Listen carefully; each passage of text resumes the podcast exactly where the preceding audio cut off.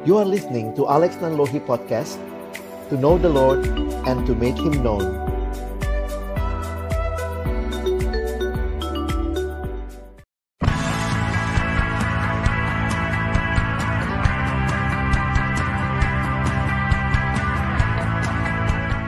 Shalom, selamat malam semuanya. Senang sekali bisa berjumpa kembali bersama saya dengan Boas Tony dari Lembaga Bara Digital Ministry. Malam hari ini kita sudah bergabung dengan hambanya, yaitu Pendeta Alex Agus. Sorry, saya ulang, Pendeta Alexander Agus Elias Nanlohi, atau biasa dipanggil dengan Pendeta Alex.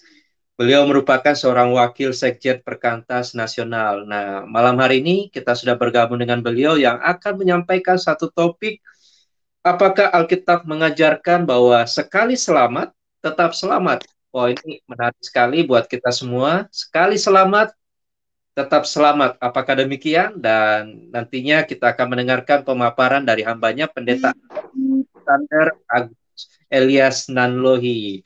Dan kiranya rekan-rekan juga ketika memiliki pertanyaan seputar topik yang dibahas, langsung saja tuliskan di kolom komentar, maupun juga ketika memiliki komentar langsung saja.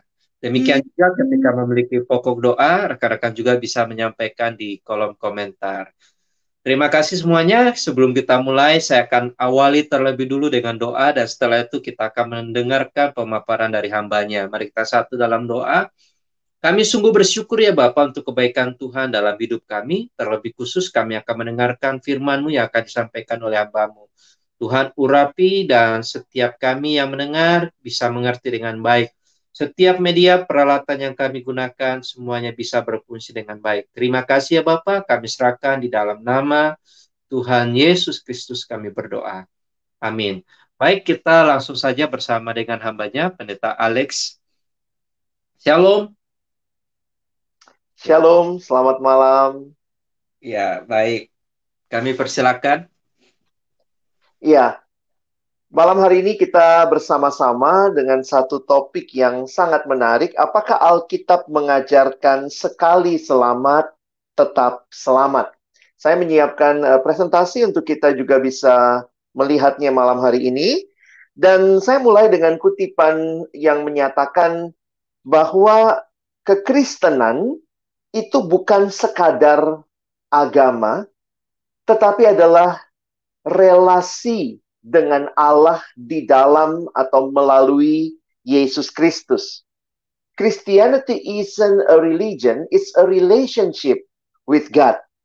Jadi kalau Bapak Ibu Saudara yang dikasihi Tuhan menghayati kekristenan, bahwa kekristenan ini bukan sekadar sebuah kumpulan ajaran, Tentu di dalamnya ada ajaran, bukan juga sekadar kumpulan ritual, tetapi kekristenan adalah relasi yang hidup dengan Allah di dalam Yesus Kristus melalui Yesus Kristus. Karena itu untuk menjawab pertanyaan yang tadi menjadi bagian pembahasan malam hari ini, apakah Alkitab mengajarkan sekali selamat tetap selamat? Saya ingin kita mengerti bagian ini di dalam relasi dengan Allah. Karena pusat daripada kekristenan bukan kepada ajarannya semata, tetapi kepada pribadi Yesus. Kalau kita memperhatikan, saya mengutip ayat di dalam Yohanes 3 ayat 16, karena begitu besar kasih Allah akan dunia ini, sehingga ia telah mengaruniakan anaknya yang tunggal, supaya setiap orang yang percaya kepadanya tidak binasa, melainkan beroleh hidup yang kekal.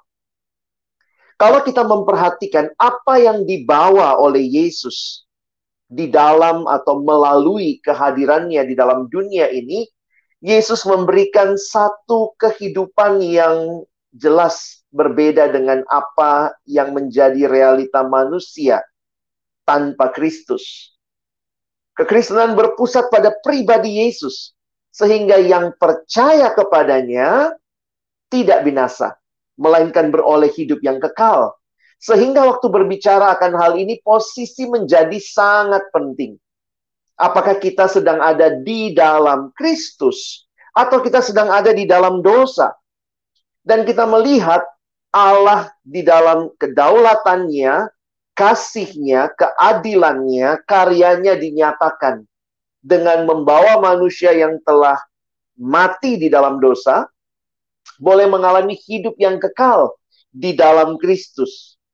Karena itu kita menghayati bahwa keselamatan adalah anugerah Allah semata, bukan karena perbuatan baik kita. Sehingga kekristenan melihat keselamatan yang adalah karya Kristus itu sebagai sesuatu yang sangat berbeda dengan apa yang mungkin dihayati banyak kepercayaan lainnya.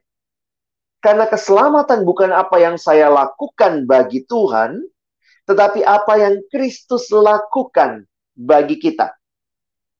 Jadi ini menjadi hal yang menarik untuk kita berdiskusi lebih lanjut tentang pertanyaan tadi. Kalau keselamatan kita dikatakan sekali selamat tetap selamat, mengapa Alkitab mengajarkan hal itu? Karena jelas sekali keselamatan bukan apa yang kita lakukan bagi Tuhan, tapi apa yang Kristus lakukan bagi kita.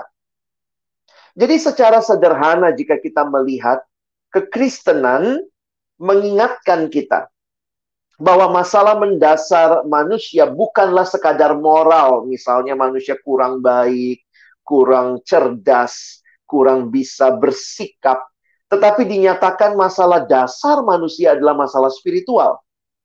Jadi bukan hanya karena kita tidak bermoral, tetapi hidup yang bermoral saja tidak cukup menjembatani apa yang memisahkan manusia dengan Allah, yaitu dosa. Karena itu dikatakan di sinilah terletak perbedaan utama antara agama-agama yang mengajarkan moral dan apa yang Yesus tawarkan kepada kita. Yesus tidak memberikan jalan untuk membuat orang jahat menjadi baik semata, tetapi perhatikan bahwa jalan yang dibawa oleh Kristus adalah membuat orang yang mati. Tadi dikatakan yang binasa, tapi kemudian beroleh hidup yang kekal. Jadi bisa kita simpulkan bagian pertama untuk kita menjawab pertanyaan tadi apakah Alkitab mengajarkan keselamatan sekali selamat tetap selamat jelas. Karena keselamatan itu bersumber dari Allah. Kalau itu sumbernya manusia, kalau itu sumbernya adalah perbuatan baik kita, maka tentunya akan sulit sekali menghayati keselamatan itu pasti.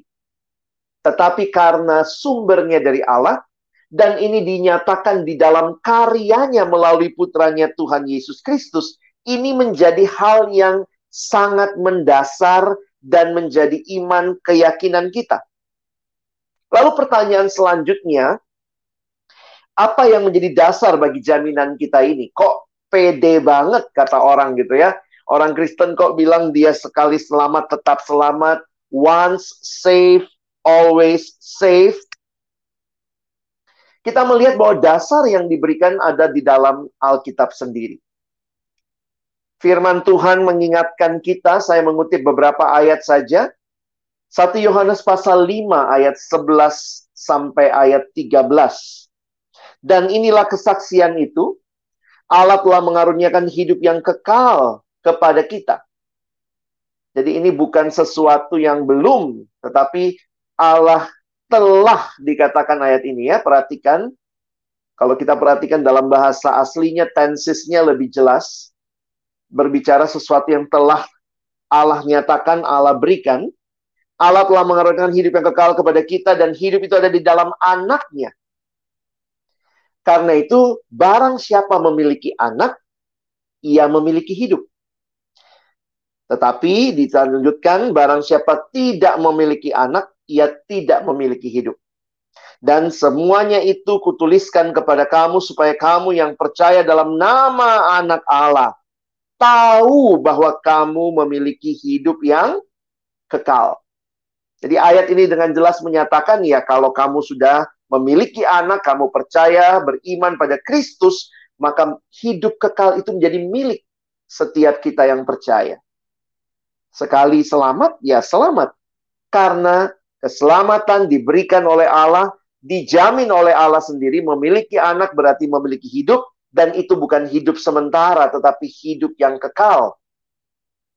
Di dalam bagian lain, Yesus sendiri menyatakan Yohanes pasal 10, ayat 27 sampai ayat yang ke-29.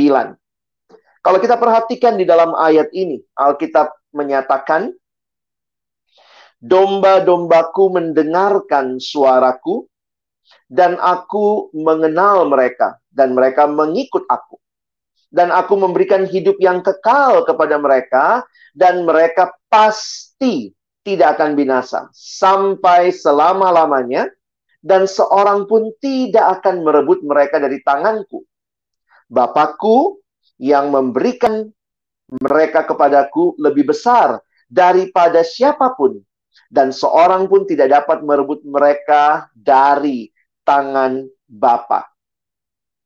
Keselamatan kita tidak dijamin oleh kita yang berusaha mendapatkannya, tetapi dijamin oleh Allah yang memberikannya dan di dalam Kristus dia memberikan kepada kita kehidupan yang kekal dan seorang pun tidak akan merebut dari tangan Bapa. Sehingga kita melihat tidak ada kuasa apa pun yang sanggup memisahkan dari kasih Kristus. Dan ini adalah sesuatu yang dinyatakan dengan jelas di dalam Alkitab. Ketika dikatakan manusia berdosa, tetapi kemudian upah dosa adalah maut. Di sinilah kita meyakini juga bahwa Kristus telah menebus kita. Dia memberikan dirinya bagi kita. Karena itu kita bisa melihat keselamatan di dalam kekristenan sebenarnya adalah sesuatu yang gratis. Tetapi bukan gratisan, saudara. Maksudnya apa? Perhatikan di dalam 1 Petrus pasal yang pertama ayat 18 dan 19. Dinyatakan di dalam ayat ini, sebab kamu tahu bahwa kamu telah ditebus dari cara hidupmu yang sia-sia yang kamu warisi dari nenek moyangmu itu bukan dengan barang yang fana, bukan pula dengan perak atau emas, melainkan dengan darah yang mahal, yaitu darah Kristus yang sama seperti darah anak domba, yang tak bernoda dan tak bercacat. Ketika kita meyakini dan menyadari keselamatan kita itu sifatnya kekal, diberikan di dalam Yesus, itu karena Yesus telah membayar lunas harganya dengan darahnya yang mahal. Aku, saudara yang percaya, kita telah dibayar lunas. Inilah keyakinan kita bahwa karya keselamatan yang kita terima di dalam Kristus itu sekali dan kekal.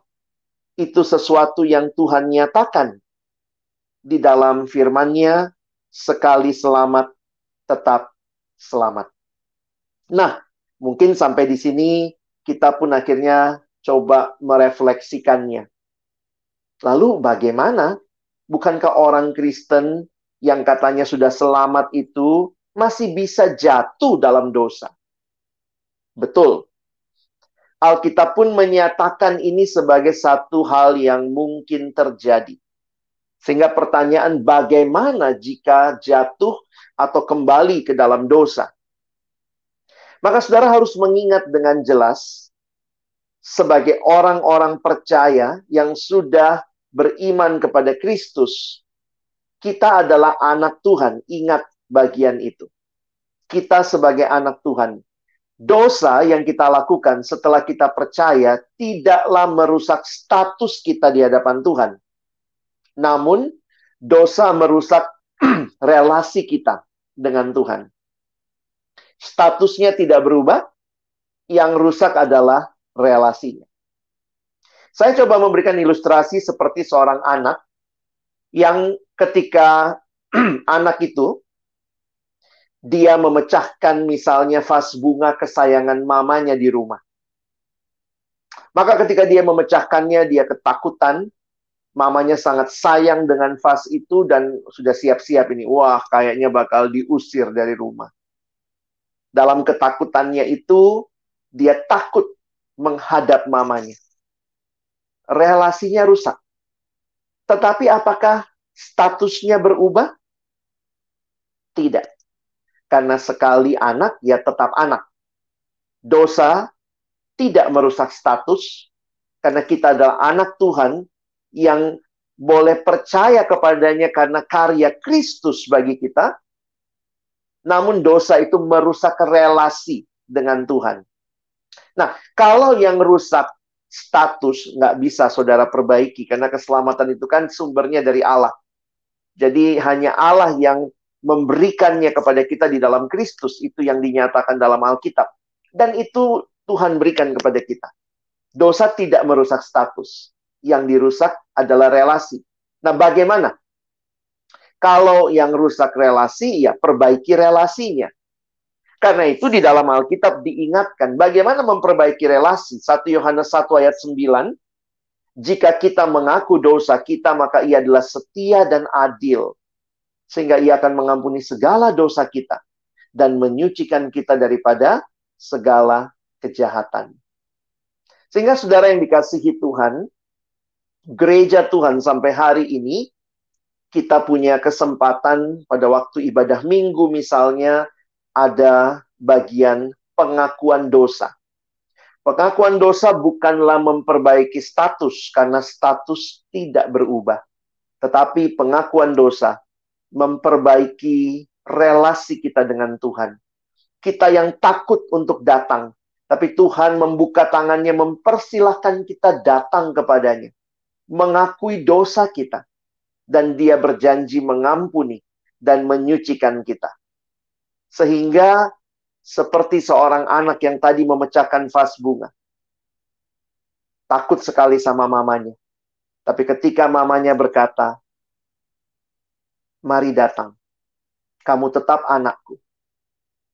Akui di hadapan orang tuamu. Dan kemudian relasi kembali bisa dinikmati. Jadi sikap yang benar ketika kita yang meyakini sekali selamat tetap selamat itu bukan satu kesempatan untuk berdosa. Banyak orang melihat, wow enak ya, sekali selamat tetap selamat. Apakah dengan demikian, yuk rajin-rajin berbuat dosa. Tidak. Orang yang mengerti pengampunan Tuhan tidak akan mempermainkan pengampunan itu. Coba bayangkan, kalau anak yang tadinya memecahkan vas bunga itu, lalu kemudian mamanya bilang, "Oke, okay, kalau kamu mengaku baik, mama ampuni." Kalau anak itu tahu arti pengampunan, Apakah anak itu akan merusak hal yang lain? Mungkin dia bilang, wow, memecahkan vas bunga diampuni. Ya udah, mama mana? Saya mau pecahkan kulkas, mau pecahkan televisi, mau pecahkan yang lain di rumah. Saya pikir jika itu jadi sikap anak tersebut, anak itu tidak mengerti pengampunan. Orang yang diampuni adalah orang yang rindu untuk tidak mengulangi lagi dosanya, tapi kemudian boleh melakukan apa yang benar. Nah, saudara yang dikasihi Tuhan, sikap yang benar bagi kita yang percaya sekali selamat tetap selamat bukanlah bermain-main dengan dosa, tetapi waktu kita jatuh dalam dosa, kita disiplin untuk mengaku dosa kita. Kita punya pertobatan yang sungguh-sungguh, bukan cuma nyesal, tapi bertobat. Dan kita pun berserah untuk mau hidup taat di dalam Tuhan. Kiranya firman Tuhan ini menolong kita untuk meyakini keselamatan kita dan kemudian terus memelihara relasi dengan Tuhan yang telah menyelamatkan kita. Ingatlah, sekali selamat, tetap selamat. Amin. Shalom. Shalom. Apakah suara saya jelas, Pak? Ya. Jelas, Pak.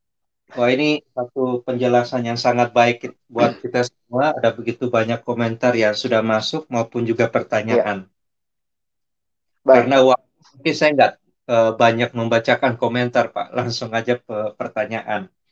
Ada ya. yang bertanya Pak, mengapa ada banyak orang yang tidak begitu menghargai arti keselamatan Pak? Artinya kebanyakan orang masih punya gaya hidup yang jauh dari harapan Pak mungkin mabuk apa segala macam uh, jauh ya. dari hadap uh, harapan yang uh, firman Tuhan nyatakan, Pak. Baik, terima kasih, Pak. Ini pertanyaan yang juga saya pikir jadi pergumulan bagi banyak orang percaya, yang kemudian kita harus ingat seperti yang saya jelaskan tadi. Kalau saudara dan saya mengerti pengampunan, saudara tidak akan mempermainkan kesempatan-kesempatan hidup yang Tuhan berikan kepada kita. Lalu bagaimana kalau kita lihat nih orangnya kok kayaknya nggak tobat-tobat, terus dia jatuh. Bahkan kalau kita mau jujur, kita pun melihat orang-orang yang mungkin meninggalkan iman Kristen. Kadang-kadang kita bertanya, Tuhan benarkah sekali selamat tetap selamat? Nah, saya ingin memberikan beberapa tips buat kita memelihara atau menjaga hati kita melihat hal-hal seperti ini. Maka yang pertama yang saudara harus ingat, peganglah firman Tuhan, realita bahwa selamat tetap selamat itu karena anugerah Tuhan. Lalu yang kedua, kalau dia tidak berubah-berubah, maka janganlah kita juga menghakimi karena kita tahu bahwa Tuhan masih memberikan selama dia masih hidup, itu berarti Tuhan masih memberikan kesempatan bagi dia untuk bertobat. Jadi jangan buru-buru menghakimi apa yang menjadi perjalanan iman orang lain. Orang seburuk Paulus sebelum bertobat akhirnya bisa datang sama Tuhan penjahat di sebelah Yesus di akhir hidupnya. Dia kemudian percaya kepada Tuhan. Jadi bagian kita adalah tetap menghargai kehidupan yang Tuhan berikan, meresponinya dengan baik, tetapi bagi hidup orang lain kita pun menyadari kita tidak bisa menghakimi, kita tidak bisa menjudge wah ini kalau udah begini pasti masuk neraka begitu ya. Tapi kita melihat dalam anugerah Tuhan kesempatan dia hidup, biarlah jadi kesempatan dia boleh kenal Tuhan. Jadi uh, kita nggak tahu ya ujung hidupnya seperti apa, hanya dia dan Tuhan yang tahu. Dan karena itu bagian kita kalau melihat saudara-saudara yang mundur dari iman, yang masih menikmati hidup dalam dosa padahal ngakunya anak Tuhan, marilah kita terus doakan mengajak mereka untuk datang kembali kepada Tuhan. Dan pada akhirnya Nanti kalau dia memang sungguh-sungguh anak Tuhan, pasti dia percaya. Tapi kalau memang bukan, maka dia akan dalam arti apa yang kita hayati, pilihannya adalah hidup kekal atau binasa. Mungkin itu, Pak.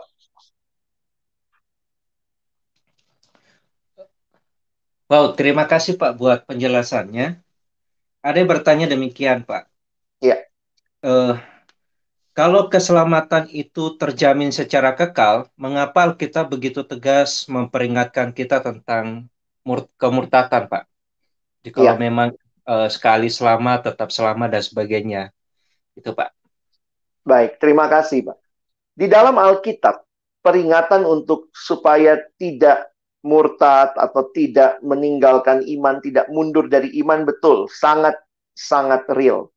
Tetapi kalau saya kembali melihat keseluruhan Alkitab, maka kita harus bisa melihat justru karena keselamatan itu adalah anugerah Tuhan yang harus diresponi dengan iman dan ketaatan yang penuh. Jadi bukan taat supaya selamat, justru taat karena sudah selamat, maka peringatan-peringatan akan bahaya kemurtatan menjadi semakin real. Jadi untuk kita menyadari dan tidak mempermainkan anugerah Tuhan. Jadi saya tidak melihat itu sebagai dua hal yang kontradiksi. Kenapa? Karena banyak kali orang sekali lagi gitu ya, banyak orang merasa kalau sekali selamat tetap selamat berarti boleh menikmati dosa. Tidak. Kalau saudara mengerti seperti itu, maka mungkin saudara bilang, oh kalau begitu kenapa diingatkan tentang murtad? Justru diingatkan tentang kemurtatan karena itu adalah sesuatu yang real sekali dalam hidup beriman kita, kita pun sadar ya, kita sama-sama dalam perjalanan. Yang saya katakan tadi, kita tidak tahu nih, akhir hidup orang ini bakal seperti apa dan kita bagaimana. Tapi keyakinan kita kepada keselamatan dari Allah membuat kita meresponinya dengan hidup yang baik dan berhati-hati untuk tidak mempermainkan anugerah Allah atau tidak mundur dari iman kita. Jadi bagi saya itu dua hal yang tidak kontradiksi. Kira-kira begitu, Pak. Baik, Pak. Ada satu pertanyaan saya tampilkan ya. dari uh, Facebook, Pak. Silakan. Dari Henry, selamat malam Pak Alex. Mau tanya, ya. apakah kita mendoakan orang lain sudah percaya dengan Yesus, apakah dia bisa diselamatkan? Walaupun yang kita doakan jarang ke gereja, jarang bersekutu dan juga lain-lain, Pak. Mungkin kebanyakan juga yang sekali berkata titip doa ya kalau ke gereja. Iya. Iya Pak, ini iman kita, iman itu nggak bisa diwakili sebenarnya ya. Jadi kalaupun kita berdoa untuk orang itu adalah kita rindu supaya dia secara pribadi boleh kenal Tuhan, menerima Yesus dalam hidupnya, dan tentunya Tuhan pakai kita untuk mengajak dan membawa dia kepada Tuhan. Nah, tapi sekali lagi untuk kita uh, pahami, uh, ingat selalu, jadi saya setiap kali menghayati begini ya, tidak semua orang yang baik itu pasti selamat. Karena keselamatan itu anugerah, bukan karena kebaikan. Dengan demikian, saya refleksikan berarti tidak semua orang yang kelihatannya sekarang buruk pasti nggak selamat. Karena di dalam perjalanan dia, yang kita tahu setiap orang masih dalam perjalanan imannya nih. Selama hidup kita masih dalam perjalanan, kita nggak tahu apakah Tuhan akan kasih kesempatan kepada dia. Nah karena itu, mari kita lakukan bagian kita. Apa bagian kita? Berdoa, bersaksi, mengajak dia kepada Tuhan, memberitakan kabar baik, itu bagian kita yang kita sadari Tuhan berikan. Jadi bukannya uh, kalau dia udah kelihatan buruk hidupnya ya udah tinggalin aja lah, sudahlah nggak ada harapan buat dia. Selama dia hidup, saya tetap meyakini bahwa Tuhan memberi kesempatan bagi dia untuk mengenal kebenaran. Dan karena itu saya pikir jangan lupa, kita terus memberitakan kebenaran. Kita tidak tahu siapa yang Tuhan pilih, siapa yang tidak. Kita tidak tahu hal itu. Yang kita tahu adalah ada yang Tuhan pilih, dan yang Tuhan pilih itu akan setia sampai akhir. Dan karena itu bagian kita sebagai komunitas orang percaya, teruslah memberitakan kebenaran, karena kita yakin ada orang-orang yang Tuhan sudah pilih untuk mengalami hidup yang sekali selamat tetap selamat. Nah, itu iman kita. Oh, terima kasih. Ini ada satu pertanyaan dari Instagram dari Noveli. Ya, Dia menyampaikan kalau pilihan hidup kekal atau binasa, Pak, itu berarti keselamatan itu bisa ditentukan oleh manusia nggak, Pak? Oke. Nah, memang dalam pembahasan yang singkat agak, agak sulit membahas hal-hal yang sangat teologis, tapi kita tetap melihat keselamatan adalah anugerah Tuhan. Jadi, kalau kita berbicara secara real, keselamatan anugerah Tuhan berarti bukan tergantung pilihan kita, tetapi tergantung pilihannya Tuhan. Tetapi Tuhan memilih itu di dalam sejarah, sehingga kita bukan melihatnya seperti apa ya orang program komputer sekali enter ya sudah selesai ya. Kita melihat dalam sejarah Tuhan bekerja dan pekerjaan Tuhan menggenapkan rencananya di dalam sejarah itu di dalam proses. Jadi kita ini hanya melihat yang prosesnya. Nah, karena itu saya menghayati bagi kita yang ada dalam proses, kita meyakini Allah memilih. Tetapi dalam prosesnya ini, tetap Injil harus dikabarkan dan orang tersebut harus memberikan respon sebagai bukti bahwa dia dipilih. Jadi kalau ada yang percaya, saya sering kali mimpin KKR, lalu ketika memanggil siapa yang mau percaya pada Yesus, waktu orang itu percaya, kelihatannya dia yang percaya, dia yang angkat tangan, dia yang bilang, "Ya Tuhan, saya terima Engkau." Tetapi sebenarnya di balik itu Bagaimana melihat fenomena ini? Bagi saya yang menarik adalah kalau ada yang percaya, ada yang angkat tangan. Bukan karena saya pembicaranya suaranya kencang sampai akhirnya, wah saya percaya. Bukan hanya karena dia mau percaya, tetapi dia bisa percaya. Itu semata-mata karena Allah bekerja membangkitkan kerohanian yang mati, sehingga orang yang rohaninya mati tadi bisa bangkit bisa dengar firman, bisa meresponi firman, itu semua proses sejarah itu hanyalah membuktikan bahwa ada Allah yang memilih orang-orang di dalam kekekalan. Nah, mungkin gitu kira-kira cara kita menghayati sehingga kita tetap meyakini bahwa keselamatan bukan sekadar pilihan kita kepada Allah, bukan apa yang kita lakukan bagi Allah, tapi karena Allah lakukan itu bagi kita, maka di dalam proses waktu kita meresponinya di hadapan Allah. Oh, cukup menarik, Pak. Ini ada begitu banyak pertanyaan, Pak. Ya, ada yang bertanya demikian. Karena ini topik menarik, Pak. Ya. Ini topik menarik. Tapi karena waktu kita sudah sangat ya. terbatas, Pak.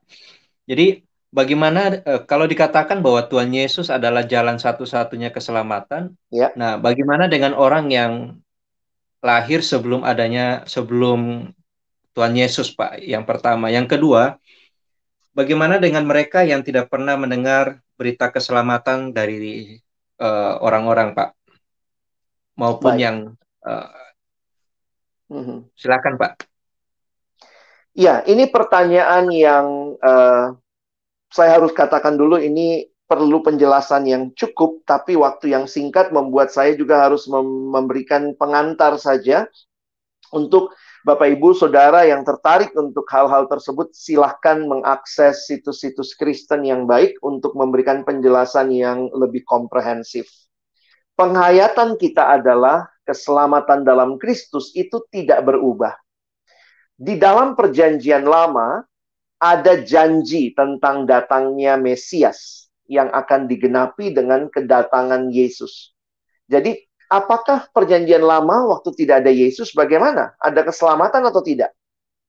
Kita meyakini keselamatan yang ada di dalam perjanjian lama, mereka percaya kepada Yesus atau Kristus atau Mesias yang akan datang.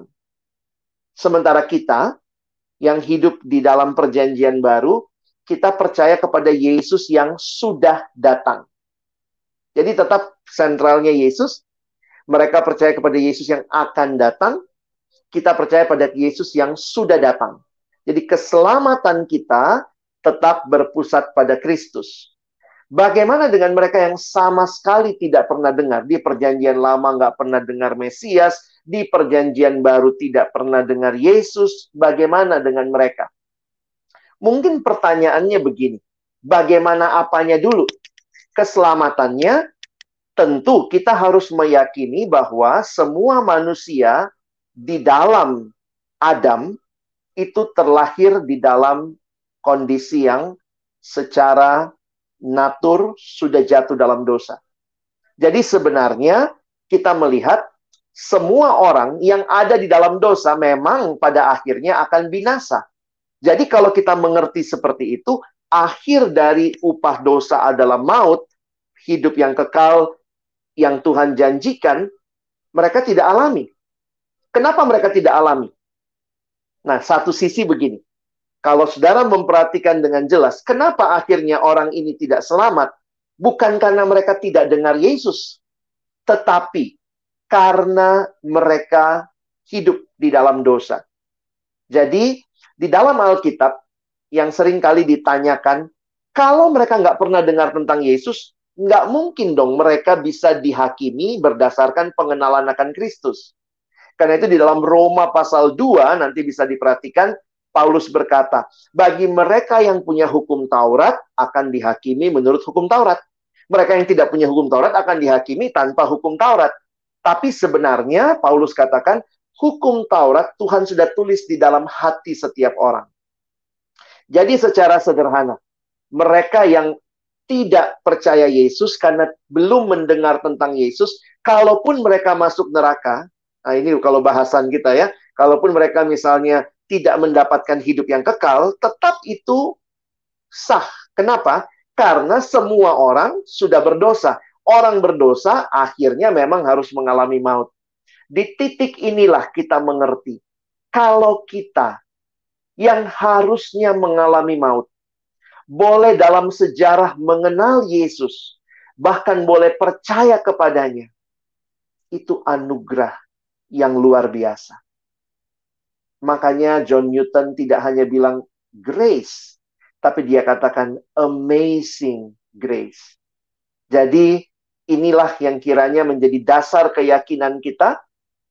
Kita selamat karena Kristus menyelamatkan kita dan pengenalan kita akan Dia membuat kita akan menikmati janji bahwa yang hidup kekal itu kita akan terima dan itu sifatnya selama-lamanya. Kira-kira penjelasannya secara singkat seperti itu, Pak. Wow, ini sangat menarik.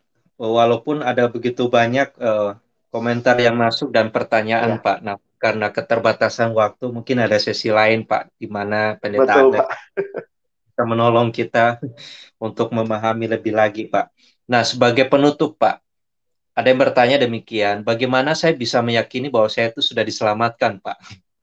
Karena yeah. bagi saya keselamatan sangat penting dan saya sangat takut sebenarnya, Pak. Tapi apakah saya sudah diselamatkan? Bagaimana saya bisa tahu, Pak? Yeah. Itu yang pertama. Yang kedua, sebagai penutup dari Pendeta Alex, uh, mungkin ada pesan yang ingin disampaikan buat rekan-rekan hmm. ini, Pak. Baik, Pak. Kami persilakan. Baik. Terima kasih ya. Ini pertanyaan baik dan saya juga dalam perjalanan iman saya pernah dalam masa seperti itu. Mempertanyakan kalau udah bicara keselamatan lalu saya bagaimana begitu ya, apalagi sadar waduh masih jatuh dalam dosa, kadang-kadang masih bergumul dengan hal-hal tertentu yang kita tahu masih sulit ditinggalkan. Lalu bagaimana? Saya belajar akhirnya di dalam perjalanan iman keyakinan kita yang paling utama bukan sekadar berbicara tentang perasaan.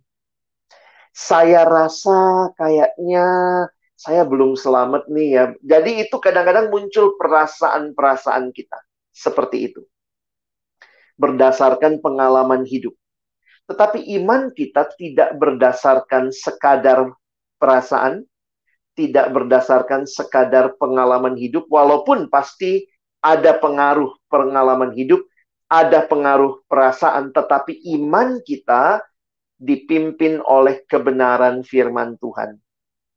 Karena itu, dari mana Bapak Ibu Saudara meyakini keselamatan? Pertama dan terutama adalah yakini firman Tuhan. Firman Tuhan tadi katakan, barang siapa memiliki anak, dia memiliki hidup. Percaya itu. Tapi kayaknya saya rasanya begitu. Bukan masalah perasaan. Tetapi apakah saudara percaya firman Tuhan? Saudara amini firman Tuhan? Dan saudara dalam perjalanan imanmu makin diteguhkan lewat pengalaman dan pergumulan. Jadi saya tetap menghayati bahwa keyakinan keselamatan berdasarkan janji firman. Yesus yang mati di kayu salib yang saya baca di Alkitab menyelamatkan saya. Saya tidak pernah hadir di kayu salib 2000 tahun yang lalu. Saya pun rasanya kok jauh dari Tuhan. Tetapi ketika saya percaya pada Yesus, maka saya percaya janji firmannya ya dan amin. Iman berdasarkan firman Tuhan.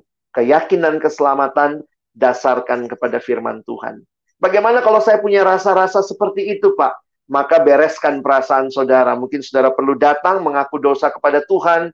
Saudara perlu untuk datang melihat dan berkomitmen Tuhan, saya sudah menikmati Engkau berjanji menyelamatkan aku dan saya mau responi dengan hidup yang memuliakan Tuhan, hidup yang menyenangkan Tuhan. Jadi itu bagian dari respon kita. Ketika saudara pun peka terhadap dosa, bagi saya itu sebuah tanda juga bahwa iya, Tuhan bekerja sehingga saudara diberikan sensitivitas. Kalau dulu bikin dosa gampang sekali. Sekarang waktu bikin dosa ada perasaan Tuhan bukan ini yang engkau mau, ya. Nah, itu pun bagi saya adalah tanda bahwa Tuhan sedang membawa saudara makin dimurnikan. Nah, sebagai penutup, saya rindu bagi setiap saudara, dasarkanlah iman saudara keyakinan keselamatan saudara kepada firman Tuhan. Kalau saudara belum sungguh-sungguh percaya, mari buka hatimu, terima Yesus dalam hidupmu. Alami keselamatan yang kekal. Dan bagi saudara yang sudah percaya, mari hargai anugerah Allah, bukan hidup di dalam menikmati dosa, tapi hidup memuliakan Allah. Kiranya Tuhan menolong kita, bukan hanya jadi pendengar firman, tapi jadi pelaku pelaku firman-Nya. Terima kasih. Wow, terima kasih Pak.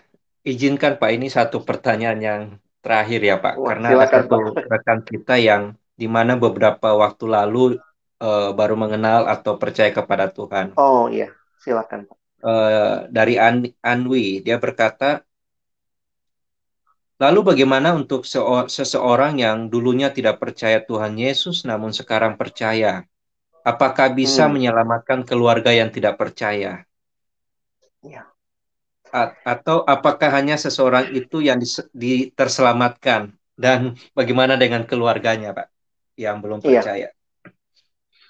Saya melihat iman itu sekali lagi adalah anugerah Allah tetapi di dalam sejarah yang Tuhan berikan bagi kita di Alkitab pun terlihat dengan jelas bagaimana Tuhan bekerja memakai seorang yang telah diselamatkan di dalam keluarga untuk membawa keluarganya kepada Tuhan.